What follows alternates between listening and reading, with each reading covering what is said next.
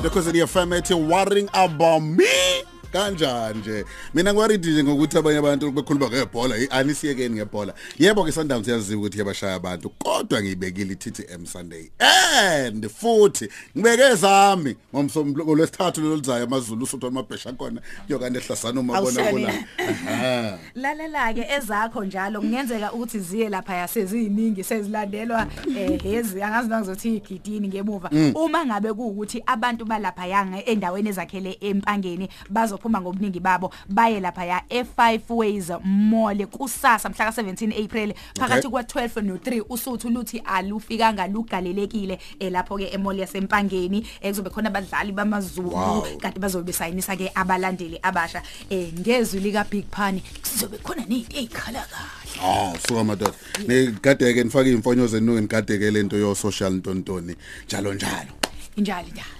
Kanti ke njalo siyakukhumbuza nje ukuthi ke manje ke asisekho isidingo ke sokuphuthelwa imdidilizo yekhethelo. Ama promo alerts akwa Shoprite asekwenze kwabalula. Ama promo alerts ke izaziso nje ze email ezikutshelayo uma ke imikhiqizo oyithandayo iku promotion uma ufuna ke ukuzi ukuzi sethela mdle ama promo alerts vele nje wena ungene ku www.shoprite.co.za bese ke ukhetha lezo zinto ofisa ke ukutshelwa ngazo ngepromo alert. Ama promo alerts akwa Shoprite akusiza ke wonke nangaphezulu kuyo yonke nje impahla eyintandokazi yakho.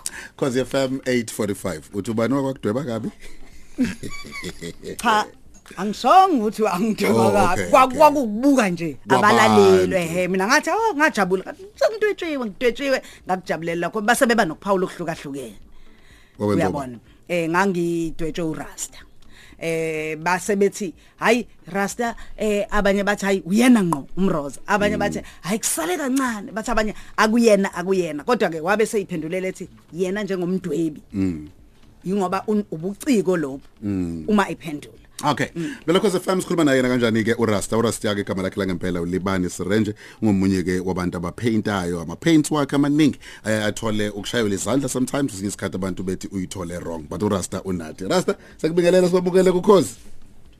Salibonani, salibonani Semeza Mbroza nokunolwazi, livuka njani labalaleli bokhoze FM. Konje eZimbabwe mangithi sanibonani ekseni ngi- ngi- ngithini ngamanye ama languages akhona. Mamuka sei, mamuka sei, mamuka chini. Mamuka Livuka njani, chini. Sikhala ngalisona leso. Eh, oh isishona leso. Rasta bethu siyabonga kakhulu ukuthi benathi ku Cause FM eh ngi- ngi- ngifan nami ngiyakulandela ku social media. Em Yabo. eh eh eh, mhlawumbe asiqaleni ngezinto eziningi ozenze kahle. Eh kade wenza e- e- e- eka eka silo samabandla eh wanongoma wow mhlaba wonke eningizimu Afrika yonke uTwitter ubukade uthi wow usebenzile hey but amaningi ah ushaya ngithola ukujabula ukuthi abantu bengiyamukele, beyamukele umsebenzi wami ngaleyo ndlela. Mm. Kusuke sekwenze njani kwamanje nangu DMX. Kwenzekeni uInki wopende kwenzekeni? eh uDMX i- the way mina engiphinta ngakhona ngilethemba lokuthi abantu next paseke ukuthi bengithole ukuthi ngizama uku-expressa kanjani i-art but eh ngicabanga ukuthi leyo lalowo mdwebo usuke eh, uli- i-subject like i-DMX eh yi-rapper leyana i-overseas abantu bayithatha ngaleyo ndlela. Abantu banokubala ukuhlonipha njalo kulowo muntu engisuke ngimdwebi eh ngoba abantu ba sometimes ba criticize ngenxa yokuthi lowo muntu nethi basuke bengamjabuleli ka ngaleyo ndlela. Sometimes basuke ukuthi hayi lo muntu umbheke wangamkhiphi but makusuka bemthanda abantu ubona nje labantu bemyamukela mangempelile ngakubeka ngaleyo ndlela kwesinye isikhathi. Kube kube njalo themba ukuthi abantu ba-commenta ngendlela yokuthi bayifeni kanjani lawo lowo muntu baclose kanjani lalowo konke Rasta ngiyazi ukuthi u- ukudweba into eyikhono lomuntu ngifisa ukwazi ukuthi uyakholelwa ngempela ukuthi unekhono elisimanga lezokudweba nokuthi two ikhona yini ezinye izinto okuzenze? Mhlambe nje ukuthatha nje ikhozi yokuthi uthi u- u- ukucijisa lapha nalapha yana uyabona nje ukuthi uzithuthukise nawe. Eh ngicabanga ukuthi ukudweba kuhlukene ngoba bakhona abadweba into iphume iperfect ngaleyo ndlela engani isithombe sishutiwe ngicabanga ukuthi lo mdwebo muhle kodwa kwelami the way ngibona ngakhona i-art i-art imele ibe le that thing Mm. ngifake leyo nto. Ibe na- that Ibe thing that yamanga. thing. abantu beyibone bebe lokujabula bebe lokuthokoza bebe lokuphikisana through i-painting ithemba ukuthi ma ule painting yakho idwetshiwe yini each and every day ekuseni usungabe uyibheke ukuthi ya ngempela.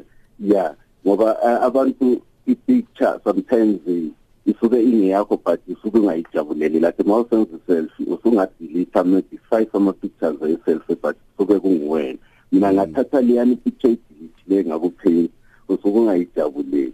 But eh ngithemba ukuthi abantu bazoyi-understand i-art yami kuya phambili Mm. U- u- um usuke wamdwe wa- wa- wa- wampainta umama wakwakho umem. And then walala udlile ke galelo lakhe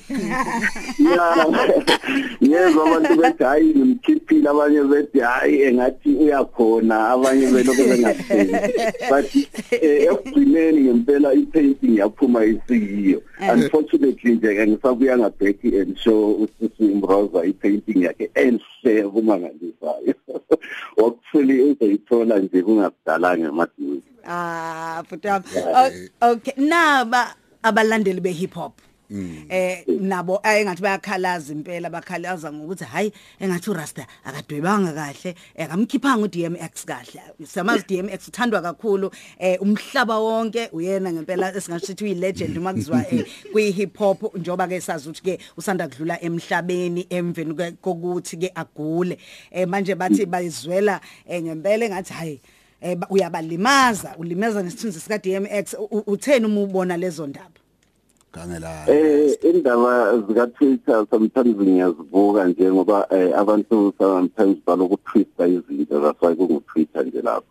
Eh izinto zisuke zitwisteke ngaleyo ndlela ukuthi eh lokubona sometimes abantu be post into sometimes engayenzanga they criticize so angi- angifela la leyo chance yokuthi abantu bethi okay urastu sadweba futhi kusase memorial or kusase isikhumbuzo kusase ku process yokupainta ngoba kusuke kubi- eh, kuyi process ukupainta eh kimi kuba nzima ngoba eh each and every time mangipainta abantu bayashuta eh ikanti mangingabe ngipainta ngisensitha or e-studio sami sengathola ukuthi ngiyaraba ngiyapainta katsha ngenza njani.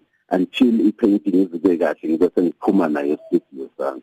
So ngalokho nje abantu ngabame bezoyibona ngizoyenza nje exhibition of all those paintings engizipaintayo. Abantu bezozibona ngqo i-paintings zami ukuthi zihle kangakanani. Baphinde bathenge futhi eh? Ngizophinde bathini ngoba eh eyesilo ngabe sengiyiqedile ngahamba nayo ngiyiqedile ngiyiphethe nje ukuthi phela ngizange ngifike ngipainte that side ayi ngakuvuma ukuthi unesibindi kodwa ukuthi ufike kwenongoma eh.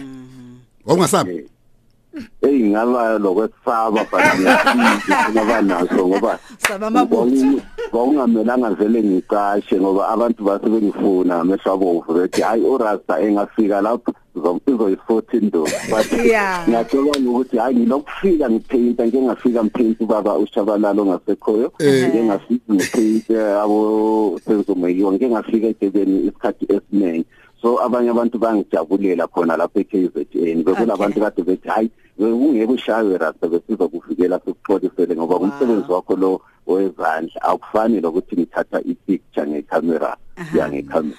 Manje uku- ukupainta kusho nje ubuciko nje uma ubheka eh, la em, eh, eAfrika eh, ubona ukuthi mhlambe ke sekufikile la ngabe kufike khona nanokuthi mhlambe isiphi isifiso naso ke nje sokucija abanye abantu ikakhulukazi abasha kwiAfrika yonke. Kungaba ubudlelwano onabo phakathi kwe- kwe kwe- South Africa neZimbabwe nayo yonke nje amazwe aseAfrika. Obona ukuthi hayi ngempela ngempela na into ekufuneka yenzeke. Eh mhlambe ikakhulukazi abaholi bonke ba- ba- balamazwe eh awu 53 ukuthi eh ba- basukume bathathe ezobuciko babeke phezulu. Ya ngicabanga ukuthi kungaqala engakhona lapha eSouth Africa sengiyabona abantu balokujabulela umsebenzi walo ngenza wamaciko apart from mina ngedwa as a artist kulamanye ama-artist angibongayo manje ukuthi ayirasta siyabonga ngokuthatha i-art uyifake le phezulu ngoba i-art ingabhekelelwa phezulu ngaleyo ndlela ku-entertainment. But siyakwazi kune-sport arts and culture but uthola ukuthi i-art leyo part of it ayibonakali ngendlela especially thina ama-visual artists. So abantu basuke bengibonge lapho ukuthi ayi siyabonga ngoba ususifakile phezulu. And then thanda ukuthi maybe njengoba eh, i-Africa nayo i- igcwele abantu abayenza ama-arts yeah. Of which sisuke siwayenze lawo ma-arts siwahambise phesheya engabonakalanga lapha e-Africa yikho okuba lokudideka kwabantu mase kubuya yi-art Yeah. so the way mina esengifaka ngakhona i-art ngifuna ukuthi ngifake kulela izinga lokuthi eh each and every time umuntu mayibona umdwebi ekhumbula ukuthi urasto yenzile hayi so rasta yeah kube laleyo impikiswano njalo eh abanye abantu abangama artists manje sebethola lami basebenzisana lami abanye ukuthi eh bathi rasta. Eh sicela ukuthi sidwebe i-picture eso then ibisitheni eh senke ngadwetshwa lami ngathengiswa ngamanye ama-artists bethengisela abanye abantu. Abaphesheya or abalapha around e-Africa Okay, rasta sibambe la mfethu ngoba isikhathi esinjena. Eh ngizokuthi Emma esami isithombe, ngifuna uba siba sibajaje wrong laba bantu. Eh siba prove wrong zokuthi Emma esami isithombe mhlambe next week. South Africa ingiphile lelo thuba ukuthi ngiziveze lami ngibonga kakhulu kulokho ngithemba ukuthi eh, labanye sebengalandela ngemva kwami especially intsha yethu lapha manje i- ibhekele ukuthi ngingakhula maybe ngizoba ngu-DJ ngizoba ngubani but benganaki ukuthi i-art nayo Ino singakuphi ingayinto. ngithemba ukuthi abantu bazoba lokuyithanda i-art ya Okay. Sibonga kakhulu ku Rasta Cause FM zomsendela ke nami isithombe sibone ukuthi engakwazi ukuthi angikhiphe. Abalali bokhozi bazoba yija, bazoba amajaji.